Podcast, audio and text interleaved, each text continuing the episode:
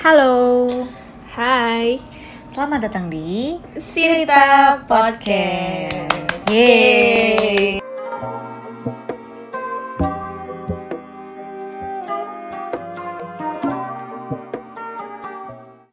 Ketemu lagi teman-teman dengan suara cempreng saya. Semoga tidak terganggu ya dengan suara cempreng ini. Enggak secempreng suaraku. Suaraku lebih cempreng ya. Kenapa kita terlalu insecure dengan suara? Aku masih baru baru aja minggu lalu ketemu teman SMA, terus ditegur, eh Dil suaramu nggak berubah-berubah ya? Masih kayak gitu. Masih cempreng. masih gitu. cempreng maksudnya. Ya, terus? Sisi lain dari diriku tuh bilang "Ngap- kenapa emang ya? Kayak gitu kan. Mm-mm. tapi perasaan yang lebih kuat adalah eh, perasaan-perasaan mengecil oh ya udah aku akan mengontrol suaraku. Kayak gitu. Insecure aja gitu Sebenarnya ini udah kayak dari lama sih. Nah, berbekal dari pikiran yang seperti itu kayak kena- kenapa sih orang-orang tuh setiap mau melakukan sesuatu kayak tuh kayak ada yang nahan gitu. Nah, Kayak ada yang kayak berhati-hati gitu. ya, ada aja sesuatu. perasaan nggak aman Mm-mm. jadinya nggak pede terus nggak maksimal deh Mm-mm. performanya dalam segala hal Betul, parah. gitu. terus kayak akhirnya mbak kita tadi menemukan artikel bagus nih Mm-mm. ya yang di psychologytoday.com ya ini uh, by the way kita nyari tentang artikel insecurities supaya bisa lebih enak aja nggak sih bahasnya Mm-mm. ya nggak sih? karena kita juga bertanya-tanya apa sih penyebabnya Iya. dari insecurities itu terus uh, ternyata tuh setelah uh, Kita kita, baca. baca. ternyata semua orang pasti punya pengalaman ah, pengel- pengalaman atau hal-hal yang buat mereka merasa nggak aman Ah. dalam bersosialisasi. dan eh, terkait in- si artikel ini juga kalau aku sendiri maksudnya dari dari poin-poin penyebab-penyebab insecurities yang disebutkan sama artikel ini Mm-mm. hampir bukan hampir semua semuanya itu Mm. pasti ada aja yang relate jadi misalnya penyebab ini nah aku pernah ada pengalaman tentang itu insecurities karena itu kayak gitu jadi kayaknya hampir semua orang pasti kayak gitu deh Mm-mm. Nah, dari artikel yang kita baca ini, salah satu penyebabnya itu datangnya dari genetik. ternyata eh, ternyata bahkan secara biologis tuh tubuh kita emang sudah men- me- memprogramkan Iya. insecurities itu sendiri Mm-mm. Gitu. misalnya deg-degan Iya, benar deg-degan. Dan karena namanya genetik berarti ini nggak beda-beda. ya sama Nggak kaitannya orang sama ada. gitu. cara kerja tubuh gitu jadinya kayak Mm-mm. tiba-tiba dingin panas Mm-mm. dingin Iya, rasanya iya, ya kan tiba-tiba gemeteran Iya, nah iya. itu salah satu respon tubuh kita Nah, pernah ada pengalaman tentang ini nggak ya Eh, kalau yang kayak ini sebenarnya mungkin kayak ini secara umum gak sih Eh, Iya. kayak yang kamu bilang Alami aja gitu. alami aja gitu kalau aku ada di sebuah tempat yang asing yang baru pertama kali itu em, aku ngerasa lebih waspada aja hmm. entah itu waspada takut hilang Mm-mm. takut hilang atau takut jadi pusat perhatian gak sih Mm-mm. biasanya kalau kamu notice biasanya mungkin tangan lebih dingin Mm, terus kayak pengen cepet-cepet keluar dari tempat itu ya atau pura-pura sibuk sama HP Kalau aku paling apa ya? Ketika aku merasa kurang tentang sesuatu, biasanya tuh ya jadi mules aja gitu biasanya. Mulus ya, alamiah setiap- banget ya tuh, ya Alamiah. ampun, ya. Setiap orang kayaknya hampir sama deh kayak gitu. Nah itu kalau dari genetik ya, dari maksudnya dari dari sistem tubuh kita, gimana tubuh kita tuh punya alarm sendiri Mm. eh, dalam merespon segala sesuatu yang datang dari luar. Mm. Nah, selanjutnya tuh ada yang namanya stressor dari lingkungan, Iya. environmental stressors Iya. gitu.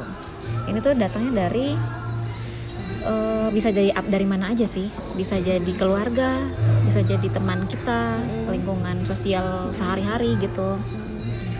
Misalnya kalau di artikel ini ya, misalnya salah satu yang paling berefek itu kayak trauma masa kecil gitu. Iya, iya benar. insecurities itu bisa kompleks banget ya Iya, benar. akibatnya berarti Dampaknya ke kehidupan kita Iya, atau gimana cara kita menjalani hidup gak sih? Gila. iya aku aku kadang-kadang tuh memikirkan kalau si insecurities ini cuman sebatas kayak kita nggak pede Oh, gitu. iya, ternyata iya, bisa iya. ke ketakutan-ketakutan Iya. yang lebih ekstrim ya, Ya kan malah ya udah nggak wajar aja maksudnya. mm, ketika itu sudah lebih batas wajar Selain dari lingkungan itu penyebab insecurities itu bisa jadi dari ketakutan akan kekecewaan ya kamu Oke. pernah nggak sih kayak takut eh, takut takut buat kecewa? Ini biasanya kalau dalam suatu hubungan percintaan ya Iya, sih? kalau ini saya sangat relate ya oke bu. oke silakan waktu dan tempat dipersilakan ya aku takut aja sih ya dikecewakan. Heeh. takut dikecewakan oleh orang lain terutama ya itu. Mm-mm. sama jadinya takut mengecewakan diriku sendiri juga. Kayak, berarti kamu pernah punya pengalaman dikecewakan. Pernah. Banget. Oke. Eh, kalau ini pak kalau ini mau nggak mau kita ngebahas ngebahas cerita cinta ya. Iya. Em, yang mana cerita cintaku tuh cerita cinta. Nggak pernah lurus oke menurutku selama ini ceri- cerita-cerita soal itu hubungan hubunganku dengan dengan lawan jenis tuh pasti nggak ada yang benar maksudnya pasti aku selalu dikecewakan makanya Hmm. saat aku ketemu orang yang rasanya sebenarnya aku ah cocok nih kayak gitu. Ah, aku mau mau nih Atau sama orang dia ini baik nih. atau dia baik nih Ah. nyaman nih kayak gitu Iya. tapi karena sudah terlalu takut dikecewakan Mm-mm. jadinya justru menghindar gitu denial gitu karena insecure terlalu insecure terlalu uh, insecure yang berlebihan sampai akhirnya takut sama hubungan itu sendiri kayak gitu. Karena aku merasa rasanya kayak aku punya tanggung jawab penuh terhadap kekecewaan kekecewaan di masa lalu. Jadinya aku harus lebih berhati-hati kayak gitu. Tapi karena berlebihan jadi ya udah takut aja gitu. Jadi kamu eh, akhirnya karena eh, pengalaman kamu yang pengalaman kamu tersebut sehingga kamu jadi kayak takut dikecewain, akhirnya kamu kurang bisa mengekspresikan apa yang sebenarnya kamu rasain gak Iya, sih? salah satu efeknya adalah itu. Mm-mm. Dan tapi akhir-akhir ini akhirnya Mhm. berasa kalau itu tuh nggak bakalan selesai loh ya. Maksudnya Iya. ketika aku terus ngikutin rasa takut itu, itu bakal jadi lingkaran setan aja. Iya. Jadi si rasa takut itu terakumulasi, terus aku Hmm. jadi ngikutin insecuritiesnya yang akhirnya jadi takut berlebihan. Mhm. Akhirnya aku yang tidak bisa mengekspresikan. Ya akhirnya aku jatuh lagi ke kekecewaan-kekecewaan Yang selanjutnya sama. kayak Ha-ha, gitu. Benar. Parah juga sih ya. Mm-mm. Jadi kita kayak hmm, mau maju tapi aduh Mm-mm. Takut nih bakal dikecewain lagi gitu. Ya. Nah, kalau aku sih juga ngelihatnya eh, pasti pernah ya dikecewain gitu Iya. ya. Eh, terus selain dari hubungan selain dari hubungan percintaan, biasanya itu juga ada di hubungan sosial lain secara luas nggak sih sama pertemanan gitu. Iya Kalau aku sih eh, ngerasa eh, takut dikecewain karena eh, aku dulu hidup dengan label-label Eh, labeling ya Mm-mm. soal ini sebenarnya aku juga ini sih relate sih Mm-mm. Soal- maksudnya mm. tanpa menyalahkan mereka yang melabeli aku Mm-mm. seperti itu aku jadi eh, sebenarnya aku sadar kalau kontrol kontrol utamanya itu ada di aku Mhm. tapi aku terlalu mengagung ma- apa ya terlalu mengambil si labeling itu jadinya ke bawah-bawah gitu ke Mm-mm. kinerja aku misalnya di Mm-mm. organisasi Mhm. ke ke cara bersosialisasi aku misalnya dengan mereka Banget, kayak gitu banget, Misalnya banget. karena mereka terlalu mengelabeli aku ceroboh misalnya sebenarnya aku tahu kalau aku memang Ya ceroboh ampun, kayak iya, gitu iya, tapi iya. akhirnya aku jadi sadar kalau karena aku terlalu terdoktrin sama label Hmm. itu akhirnya aku nggak sengaja toh tiba-tiba sampai seceroboh ini gitu Hmm. Terus tuh kayak em, kalau aku sih kayak misalnya oh oh Lia gini oh, orangnya nggak bisa marah gitu. Nah Hmm. akhirnya ketika aku punya mm, perasaan perasaan marah gitu, aku nggak bisa ngeluarin itu karena oh, aku kan nggak bisa marah. banyak sih yang kayak gitu Mm-mm. ya Padahal sebenarnya kayak aku berhak loh untuk mengekspresikan rasa marahku ini Iya. atau enggak aku berhak untuk merasa marah. Cuma karena mereka bilangnya aku ya nggak bakal bisa marah ya gitu ya. iya iya iya Kayak akhirnya aku merasa diremehin. Uh, Sama, setelah betul. tumbuh dengan label itu, jadi kayak kita ngerasa ketika berinteraksi dengan orang baru, kita takut kecewa karena bakal dapat label, yang, Label-label sama. yang sama. Jadi itu, Padahal ah. di sisi lain, ya maksudnya tentang label ini sebenarnya ada dua sisi sih. Mm-mm. Tentang bagaimana kita menginterpretasikan orang-orang yang melabeli kita, Iya. sama tentang bagaimana orang-orang yang harusnya orang-orang ja- jangan sampai gampang melabeli orang gak sih? Mm-mm, bener-bener Gitu. bener. Walaupun pada akhirnya tergantung kitanya aja Iya. menanggapi itu. Aku tuh sampai pernah uh, punya pikiran aku pengen ke tempat baru yang benar-benar gak ada orang yang kenal aku biar aku bisa bikin citra baru gitu soalnya sama. kayak aku muak sendiri tuh di di, di labeli kayak misalnya em, suka bercanda suka bercanda gitu Nggak bisa ah, serius. nggak bisa serius kayak itu dan ketika aku serius tuh bakal kalah apaan sih? Kayak Iya, gitu. Benar. ya padahal tapi aku pernah membuktikan itu sih. Mhm, Maksudnya, mhm, mhm. ketika aku mau kayak capek aja gitu di di labeli ceroboh bla bla bla. aku ingin membuktikan ke diriku sendiri aja bahwa aku bisa kok nggak dilabeli ceroboh oleh orang lain kayak gitu. Jadinya aku dap aku cari lingkungan baru dan aku berusaha keras untuk eh, jangan sampai ceroboh kayak gitu. Oke, sebenarnya ada Dan- juga sih berarti. Iya, dan ternyata ya terbukti ketika orang-orang tidak melabeli aku ceroboh, aku lebih less ceroboh kayak gitu. Lebih tidak seceroboh yang sebelumnya, tidak seceroboh ketika orang-orang melabeli aku kayak gitu. Nah iya benar Eh, emang ya kalau udah eh, masuk di label-label kayak gitu sebenarnya jadi kayak membatasi diri kita nggak Iya. sih untuk meraih potensi kita yang sepenuhnya karena udah telanjur di labeli ah dia mah gini ah ini ini gitu nggak sih Mm-mm. Apa kita harus bikin satu episode tentang label? ya boleh Ya. nanti gitu. terus Oke. tuh em, kayaknya Penyebab selanjutnya. penyebab lainnya tuh uh, ini enggak sih apa kita tuh pernah menghindari masalah gitu nggak sih Sedangkan cenderung menghindari masalah gitu. iya iya nggak sih Gimana kita takut untuk terlibat dalam Uh-uh. masalah? ini bisa masuk di bisa uh, berhubungan juga dengan fear of disappointing kita kayak takut takut dikecewakan juga. Oh, mungkin dia dulu pernah dikecewakan terus insecure karena dia terlalu takut. Dan insecure ketika dia udah mendetek ada bakalan masalah nih aku menghindar aja. Nah, cari aman cari gitu. aman. cari Iya, aman iya, gitu. dealing sama orang yang menghindari masalah itu uh gemes ya. Bawaannya kayak ayo dong hadapin dong jangan lari gitu. Tapi kamu pernah ada ada pengalaman berarti? Aku pernah ada pengalaman kayak eh, berhadapan dengan orang yang yang lari dari masalah. Mm-mm. kayak maunya aman aja. Takut awalnya ada konflik. Hmm, awalnya kayak ngelihat oh dia cari aman doang nih gitu. Mm-mm. akhirnya kayak misalnya nih misalnya nih kayak ada sebuah masalah terus dia kayak aku gak ada aku campur ya masalah itu aku nggak Iya, tahu iya, apa-apa ya gitu. Kayak iya. simply karena dia nggak mau ada dalam masalah itu. Ah. nggak mau ke bawah-bawah gitu. Dia nggak mau bersakit-sakitan dalam masalah itu ya nggak sih? Kayak dia nggak mau stres dia nggak mau ini. Orang insecure cenderung nggak mau eh, terlibat sama masalah. Mm-mm. ketika kita berani buat meng- menghadapi itu sampai sampai bisa menyelesaikan itu dari situ tuh sebenarnya kita jadi dapat confidence kita. Iya benar. Jadi eh, mungkin ya mungkin kar- eh, relate sama yang tadi itu karena nggak mau dikecewakan, akhirnya lebih pilih buat mending gak usah ada dalam masalah Hmm. sekalian gitu, biar aman-aman aja gitu. jadi karena nggak terbiasa aja gitu Mhm. jadi makin makin makin tua misalnya ya Mhm. maksudnya dia makin lama hidup makin tua yang seharusnya makin banyak masalah dia malah semakin menghindar semakin menghindar malah semakin insecure aja gitu ya sama sih. Ini juga akhirnya jadi lingkaran setan juga. Kamu ada pengalaman nggak? Tentang ini. Menghindar dari masalah? dari masalah.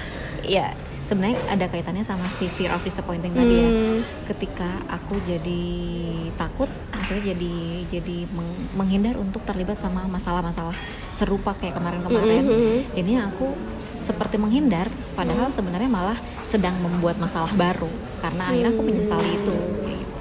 Padahal sebenarnya kalau kita misalnya mm, mencoba untuk em, menghadapi masalah itu, artinya kita bisa menjadi lebih tangguh gitu nggak Iya. sih? Ketika menghadapi masalah serupa, wah aku udah pernah Udah nih melaluinya. Gitu. kalaupun iya maksudnya kalaupun hasilnya tuh jelek hasilnya tuh nggak sesuai Nggak sesuai. keinginan Mm. eh, ketika sesuai keinginan kita bakalan jadi lebih pede kayak gitu kan tapi ketika pun nggak sesuai kita jadi lebih ya lebih tangguh Mm-mm, gitu, karena kita belajar dari itu nggak sih? Penyebab insecurities yang lainnya itu bergantung ket- eh, ketergantungan pada orang lain ya. oke dependensi. Dependensi ya.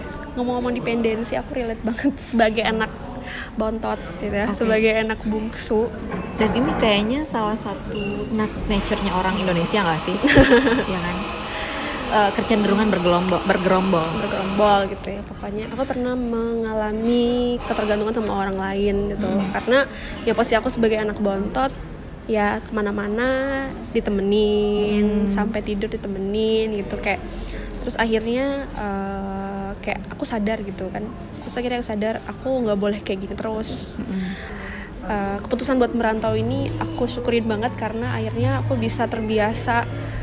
Ya walaupun aku nggak bisa menampik eh, rasa bergantung sama orang ini nggak bener-bener hilang sih. Iya. tapi at least bisa aku atasi gitu nggak terlalu over gitu. Nah, karena kamu sadar bahwa tingkat dependensi dep- dependensi kamu ke orang lain tuh besar gitu ya. Mm, dulunya.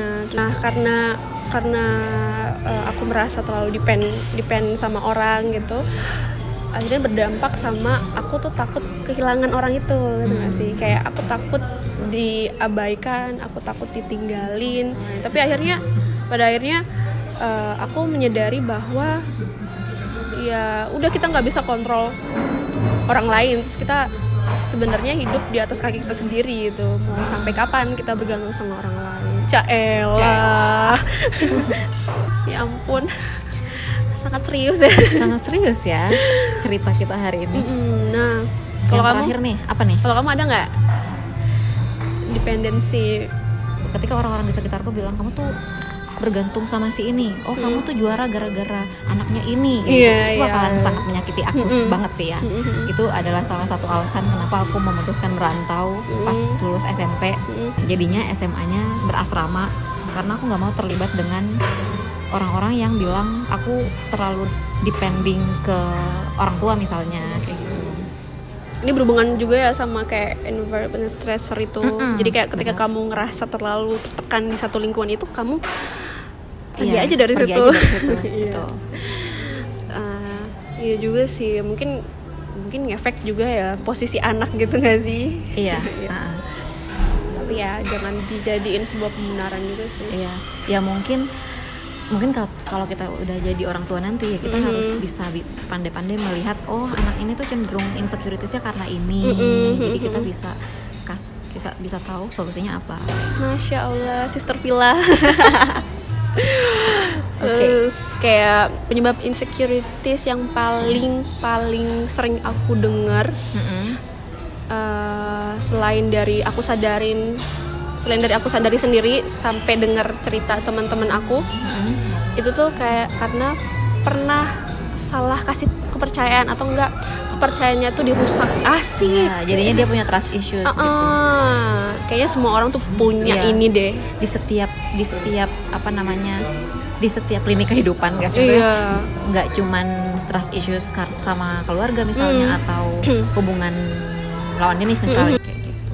Iya juga sih. Tapi itu sih kayak resikonya nggak sih ketika kita terlalu menaruh kepercayaan kepada sesuatu, Hmm, betul. secara nggak langsung kita berekspektasi lebih lebih gitu. Akhirnya ketika hasilnya nggak sesuai yang kita inginkan atau kepercayaannya kita dilanggar sama orang lain, kita jadi merasa insecure kayak nggak ada orang di dunia ini yang bisa kita percaya. Nah, itu sangat relate sih. Iya. Kayaknya semua orang pasti ada, pasti relate emang. Mm-mm.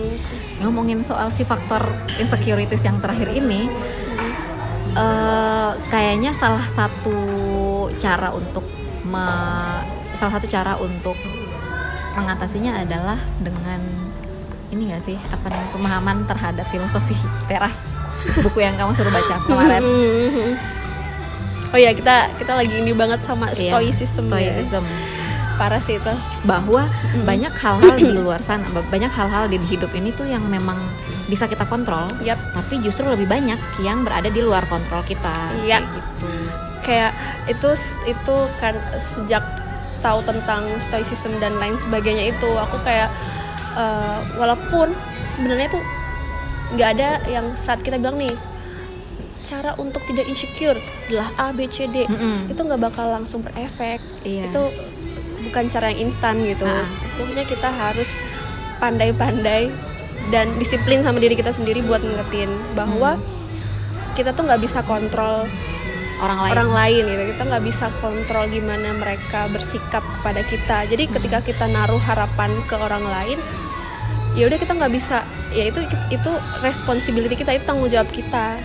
Bener buat nggak usah terlalu taruh kepercayaan. Karena kita tahu eh, setiap saat orang-orang pasti bisa mengecewakan kita. Iya, Kayak kapan pun mau siapa pun dia, mau mau seberapa kamu percaya dia dari dulu. Kayak misalnya kan biasa kita nemu uh, kondisi di mana padahal aku tuh udah percaya banget sama kamu, Mm-mm, tapi kok ya kamu kayak gini, tuh akhirnya menyalahkan orang lain padahal yang naruh ekspektasi lebih itu diri kita Mm-mm, sendiri. betul. nah kalau aku sendiri sih caranya lebih ke maksudnya kalau selama ini sebelum kenal stoicism Mhm. aku bakalan yang awalnya yang dari awal udah sedih banget bakalan jadi jauh lebih sedih karena iya ya kok dia kayak gitu ya kok kan aku udah percaya banget sama dia kayak gitu Hmm. nah tapi ketika aku eh, setelah kenal stoicism setelah paham bahwa ternyata kontrolnya tuh ada di kita kayak Mm-mm. gitu maka aku bakalan justru berdebat sama per- sama suara-suara yang itu Hmm, Nah, jadi ininya kayak misalnya daripada kamu eh, mengeluh, kamu lebih ke berdebat dengan dirimu sendiri. iya Kamu kok bisa tuh seceroboh itu ngasih Mm-mm, kepercayaan betul. padahal kan udah terjadi kemarin. Yes, Lah. betul. Ya juga sih, tapi kayak kayak cara cara-cara untuk kiat-kiat gitu buat Iya. buat buat lepas dari enggak buat lepas buat lepas sebenarnya sih susah ya Mm-mm. at least memperkecil efeknya ya karena sebenarnya ya insecurities itu alami banget Uh-uh, tapi kalau dia udah Berlebihan. terlalu berlebihan itu bisa mengganggu fungsi kehidupan sosial kita nggak sih betul.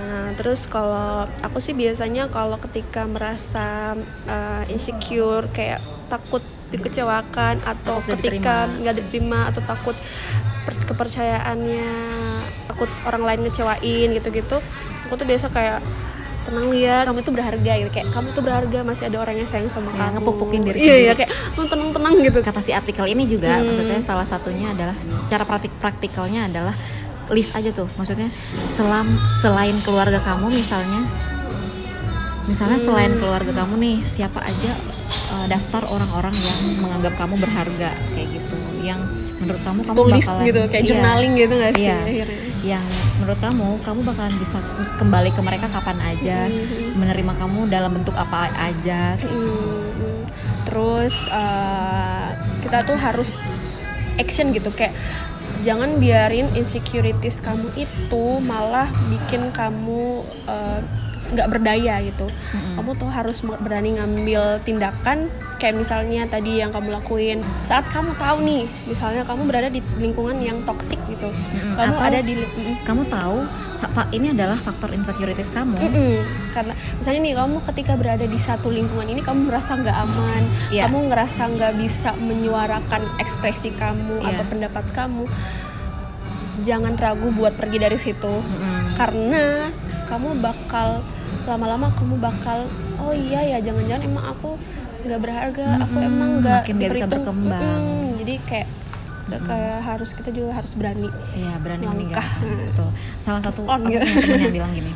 Jadi ketika eh, aku akhir dia bilang akhir-akhir ini di usia yang kayak gini, aku belajar bahwa eh, nggak perlu ketemu semua orang, nggak perlu ketemu orang baru setiap saat karena dia belajar kalau setiap kali dia ketemu orang dan setelah itu malah ngerasa kosong secara mental Mm-mm. kayak itu malah nggak eh, nggak ada efeknya untuk dia berkembang secara mental Mm-mm. maka dia ya lebih baik dia pergi aja lebih baik dia nggak nggak terus menerus bersama orang-orang itu dibanding dia terus menerus sama orang itu dan dia bakalan malah nggak enakan sama orang itu atau dia bakalan Oh. justru bermasalah sama orang-orang ini mungkin justru dia menilai orang-orang ini jelek kayak gitu Hmm. jadi mending kita misalnya berteman Mm-mm. ya sud- Sekedarnya udah aja. sekedar berteman ketika aku nggak cocok sama kamu ya udah temenan kita sebatas sebatas itu aja nah selanjutnya adalah ya ini adalah jawaban paling basic ya Hmm, cara buat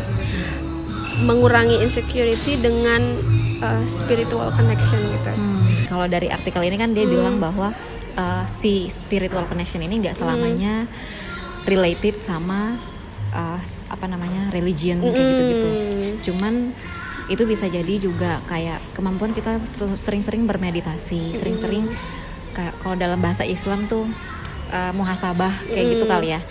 Nah, aku juga pengalamannya kaitannya sama itu sih. Maksudnya walaupun nggak terlalu religius religius banget, Mm-mm.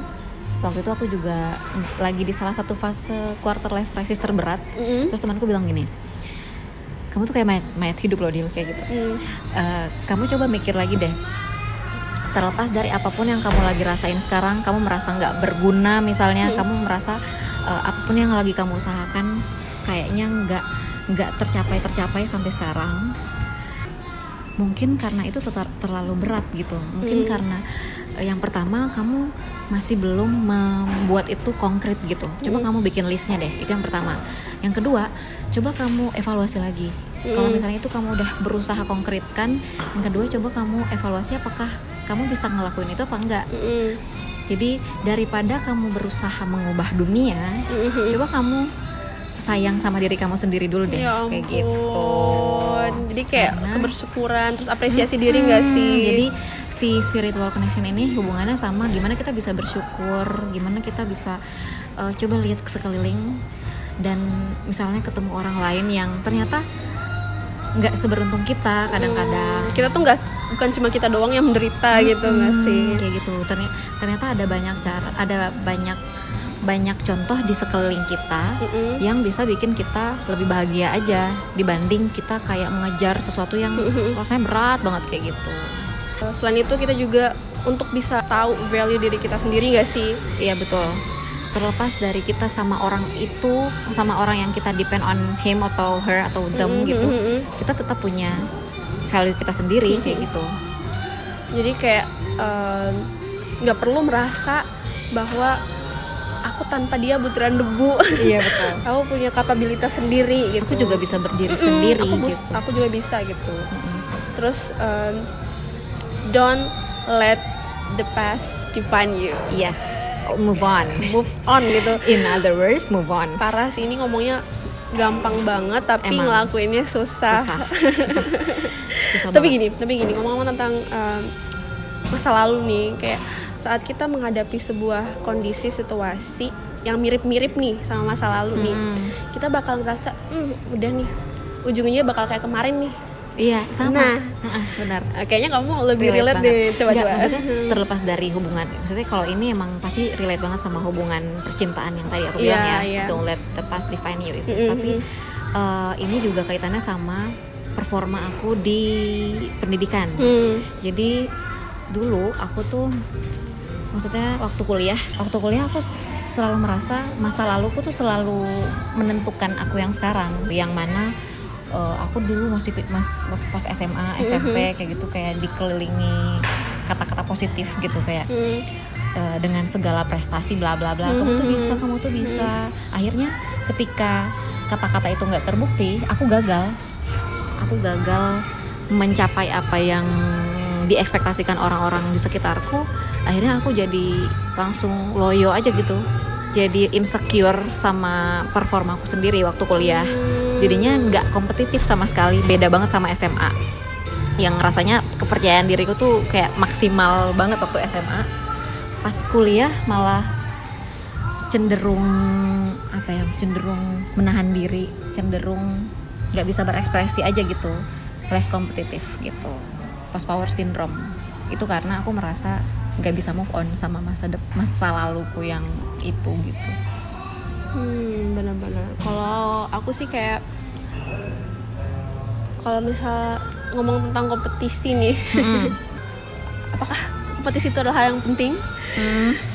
aku kayak oke soalnya kayak tanya kok orang-orang di mana-mana tuh baku hantam cuma karena pengen diakui, pengen Iya. terlihat "Shh, ini loh aku aku hebat Benar. gitu. kayaknya kita butuh bikin satu episode tentang kayaknya kompetisi iya deh iya benar nah karena aku tumbuh dengan nggak pernah ditanamin eh, kamu harus gini gini kamu harus kamu harus terbaik kamu harus Hmm. masuk tiga besar nggak ada nggak pernah aku justru karena itu Hmm. makanya ketika langsung ketika ngedown ya udah langsung Hmm, terperosok aku malah kayak gitu sih jadi kayak nah, akhirnya pas kuliah ya udah aku kuliah aku enjoy banget kuliah nggak pernah Tanpa- insecure soal akademik gitu-gitu ya? Mm, nggak pernah. Kayak eh, ya pasti pernah lah ya. Maksudnya kalau ada kalau ada em, ujian yang nggak keisi insecure lah. Insecure yang nggak separah ya nggak separah itu ya. Karena aku tahu ini aku udah ini aku, adalah hasilku sendiri. Terus aku enjoy Mm-mm. ya udah gitu. Bahkan papaku tiap nerima KHS aku tuh nggak pernah kayak ngomong oh nilai kamu ini kok bisa B? atau Mm-mm, dan nggak pernah lain-lain tuh nggak pernah dibahas. Mm-mm. jadi aku merasa ah nggak perlu berkompetisi. Hmm. nyambung nggak sih ini sama sama masa lalu? Dengan nyambung ya? Nyambung lah ya. Karena akhirnya aku nggak merasa nggak perlu berkompetisi. Iya. Jadi- oh, iya jadi karena masa lalu yang kayak gitu, jadi merasa insecure. Jadi oh nggak usah kayak gitu ya kan? Mm-mm. tapi aku udah sadar kok Siap siap. aku udah sadar Nah. walaupun telat tapi nggak se- sebenarnya nggak ada kata telat sama sekali buat Iya, betul. me- buat achieve something gitu nggak sih Iya betul. Nggak Terus jangan berkarya. sampai nah, jangan sampai kita merasa "Ih, kita udah udah du umur sekian gitu, berarti kita udah telat ya udah nggak usah. Itu insecure juga. iya benar Nah, tapi kalau soal ini ya, soal eh, masa lalu ya, aku sangat relate soal ini tuh soal eh, hubungannya sama perki- percintaan. yang mana aku baru aja sadar soal ini. Ketika aku merasa aku takut dikecewakan orang lain, terus aku merasa dan ketika ketemu orang baru yang sebenarnya bisa bisa aja aku coba aja kayak gitu tapi aku malah ngikutin masa lalu ngikutin ketakutan ketakutanku sama masa lalu itu jadinya aku kecewa aja padahal eh, padahal ini orang baru Mm-mm. bukan dari masa lalu kamu gitu ya Mm-mm. ya kali aja dia bisa mengukir cerita baru Hmm, aku akhirnya sadar kalau walaupun pada akhirnya dia bisa aja mengecewakan aku Mm-mm. kapan aja, Mm. harusnya aku nggak usah memikirkan masa lalu sebagai alasan untuk Takut. insecure untuk takut sama dia kayak gitu. untuk takut mulai hubungan baru nggak sih Hmm, tapi udah sadar Udah sadar. dan alhamdulillah sih terpilah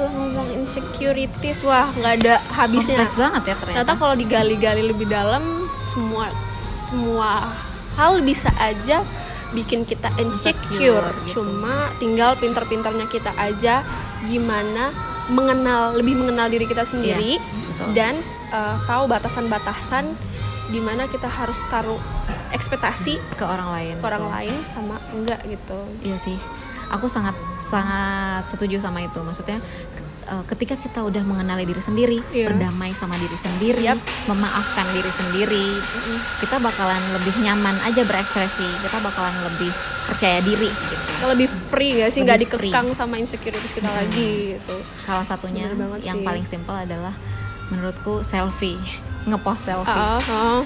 Aku sampai bulan kemarin, bulan kemarin aku Mhm, baru kepikiran ih pengen ngepost kamu video kemarin selfie, kamu ah, kemarin gitu. eh, ini ya sih upload di Instastory Iya. tapi cuma mata doang sama mata sama hidung gak sih Iya, masih ada sih insecurities itu. Iya. Cuman eh, udah mulai udah mulai teratasi sedikit demi sedikit. kalau aku aku juga tapi aku udah lama sih kayak eh, aku udah nyadar nih kayak ih udah aku selama Instastory eh, merasa bahwa or kalau post selfie itu narsis Mm, Orang-orang bakal ngejudge gitu gitu. kan rasanya. tapi kemudian aku sadar Hmm, Cela. iya, Sister Villa. aku sadar sister Villa bahwa ternyata ya udah itu bagian dari kita mengekspresikan diri kita sendiri my social media is my my- rules Iya. nggak ada tuh aturan di, di Instagram bahwa jangan post selfie sebanyak 10 kali atau enggak kamu di banned nggak ada. Jadi aku merasa lebih free mau walaupun misalnya aku ketika post something terus kayak hmm, hapus nggak? Ya enggak jangan jangan jangan hapus gitu kayak jangan hapus biarin aja gitu. Salah satu yang bikin akhirnya aku jadi ringan aja kalau mau ngepost sesuatu bahwa kita tuh bukan apa-apa. Kita tuh nggak kita bukan artis. Iya kayak gitu. Dan kalaupun kita diperhatikan orang, emang kenapa? harusnya ketika pun itu nggak bernilai positif mereka juga harusnya udah bisa nge-filter kayak gitu. Sama juga kayak fenomena yang maaf ya guys hari ini nyampah iya sorry ya guys. ya. Iya sorry ya guys. Postinganku banyak gitu kayak iya. "Ah, maafkan mukaku maafkan captionnya bla bla bla itu kayak Mm. ngapain minta maaf iya itu hakmu gitu iya kayak bodoh amat Eh, orang bakal ngebenci kita Mm-mm. balik lagi ke poin tadi kita nggak bisa mengontrol kata-kata orang Iya, betul. kita nggak bisa kontrol itu yang bisa kita lakukan yang yang bisa kita lakukan adalah mengontrol diri kita sendiri buat nggak terlalu uh, Memikirkan. memikirkan perkataan orang itu iya jadi ya udah posting aja ekspresikan aja sebanyak banyaknya mau Berkarya kamu, aja. Mm, mau kamu ngebucin mau kamu ngapain di instastory selama itu uh, selama itu nggak merugikan orang lain? Iya. Monggo ya udah nggak usah minta maaf. Gak usah minta maaf. Nggak usah minta maaf. Boleh kok netizen. Kayak gitu ya. Ternyata ya insecurities ini nggak terlepas dari standar-standar sosial yang dibuat yang terlalu em, ekstrim menurutku ya. Jadi akhirnya Iya. orang nggak bebas berekspresi gitu. Mm-mm, betul. Itu sih. Semangat ya teman-teman Iya. yang mungkin di luar sana sedang masih berjuang. berjuang melawan segala macam insecurities buat kita juga. Buat kita juga. Ah semangat ya, ya. semangat ya. Oke sampai ke penghujung cerita ya. Hmm, Jadi intinya hikmah yang kita ambil dari cerita-cerita kita ini adalah it's okay. gitu. Semua orang punya rasa Tidak aman. eh, tidak aman tersendiri, punya insecurity tersendiri. Uh, yang yang harus kita tahu bahwa kita harus mengenal diri kita sendiri dulu. Mm-mm. Terus kita nggak perlu nggak perlu berekspektasi terlalu besar sama Mm, orang lain Pokoknya ningkatin ningkatin apresiasi ke diri sendiri. Iya, sering-sering apresiasi diri sekecil apa pun pencapaian yang kamu punya. Hmm, terus jangan pernah biarin orang buat uh, labeli kamu Uh, karena kamu itu berharga gitu Iya. kamu Eh, walaupun kita nggak bisa ngontrol, Mm-mm. apa pun label yang kamu terima, ya udah biarin aja, nggak usah terlalu dimasukin ke hati. Mm, Gitu. ingat bahwa itu label-label tersebut enggak menggambarkan diri kamu. Iya, nggak menentukan kamu kayak apa. itu cuma sudut pandang mereka aja ya udah. Ya kita nggak bakal bisa perfect di mata semua orang ya nggak sih? kita tuh pasti ada aja celahnya. Dan kita daripada berusaha buat uh, bertingkah agar nggak dicibir orang lebih baik kita lebih Jujur. apre- jujur dan apresiasi diri kita sendiri bahwa uh, mereka tuh nggak bakal bisa Menentukan. menentukan atau uh, mereka tuh nggak bisa nggak bisa menentukan siapa jati diri kamu yang sebenarnya terus em, jangan berlama-lama di situasi yang bikin kamu tertekan Iya, let go of it kamu harus sadar bahwa masih banyak orang-orang yang uh, yang Care. Mm-mm, yang yang care sama kamu yang merasa bahwa kamu berharga betul. Eh, enggak sister Mm-mm, iya, betul, sister. Terus apa lagi nih? Semoga kita semua bisa mengatasi insecurity kita masing-masing ya. Iya, Biar uh, insecurities itu nggak jadi penghalang buat kita, kita berkembang. Mm-mm, buat kita berkembang, buat kita menjalani kehidupan sehari-harinya di lingkungan sosial. Iya, Masya semangat Allah. ya, Sister Villa. Eh, ngobrol ini dari tadi tuh sedikit lega. Ya Iya, nggak sih? betul. Kayak akhirnya uh, kayak aku tahu bahwa aku sadar juga bahwa semua orang punya insecurities dalam diri mereka sendiri. Jadi jadi warning juga buat aku buat um, siapa tahu aku bisa jadi penyebab insecurity dari Sama. orang lain. Iya, Iya nggak sih? Jadi Ha-ha. jadi pengingat buat aku buat um, Kontrol. mm, buat kontrol diri aku jangan jadi orang jadi penyebab orang lain merasa nggak aman. Iya betul. Jadi terlepas dari dari tadi kan kita ngomong soal bahwa kita gimana kita mengontrol segala macam eh, energi negatif dari Mhm. dari dari tubuh kita sendiri. Maksudnya kalau dari tadi kita ngomongin gimana mengontrol diri sendiri untuk tidak eh, tenggelam dalam insecurities itu, tapi kita juga harus sadar bahwa kita adalah bagian dari orang-orang lain juga. Maksudnya jangan sampai kita jadi penyebab itu Hmm, bisa jadi kita yang toxic gitu bisa yang jadi kita yang, lain. iya yang yang bikin orang-orang takut berekspresi dan lain sebagainya Ya, masya Allah. mungkin ada teman-teman yang sekarang mendengarkan dan kenal saya mohon maaf ya Mohon maaf lahir dan batin, maaf ya netizen. batin. Iya.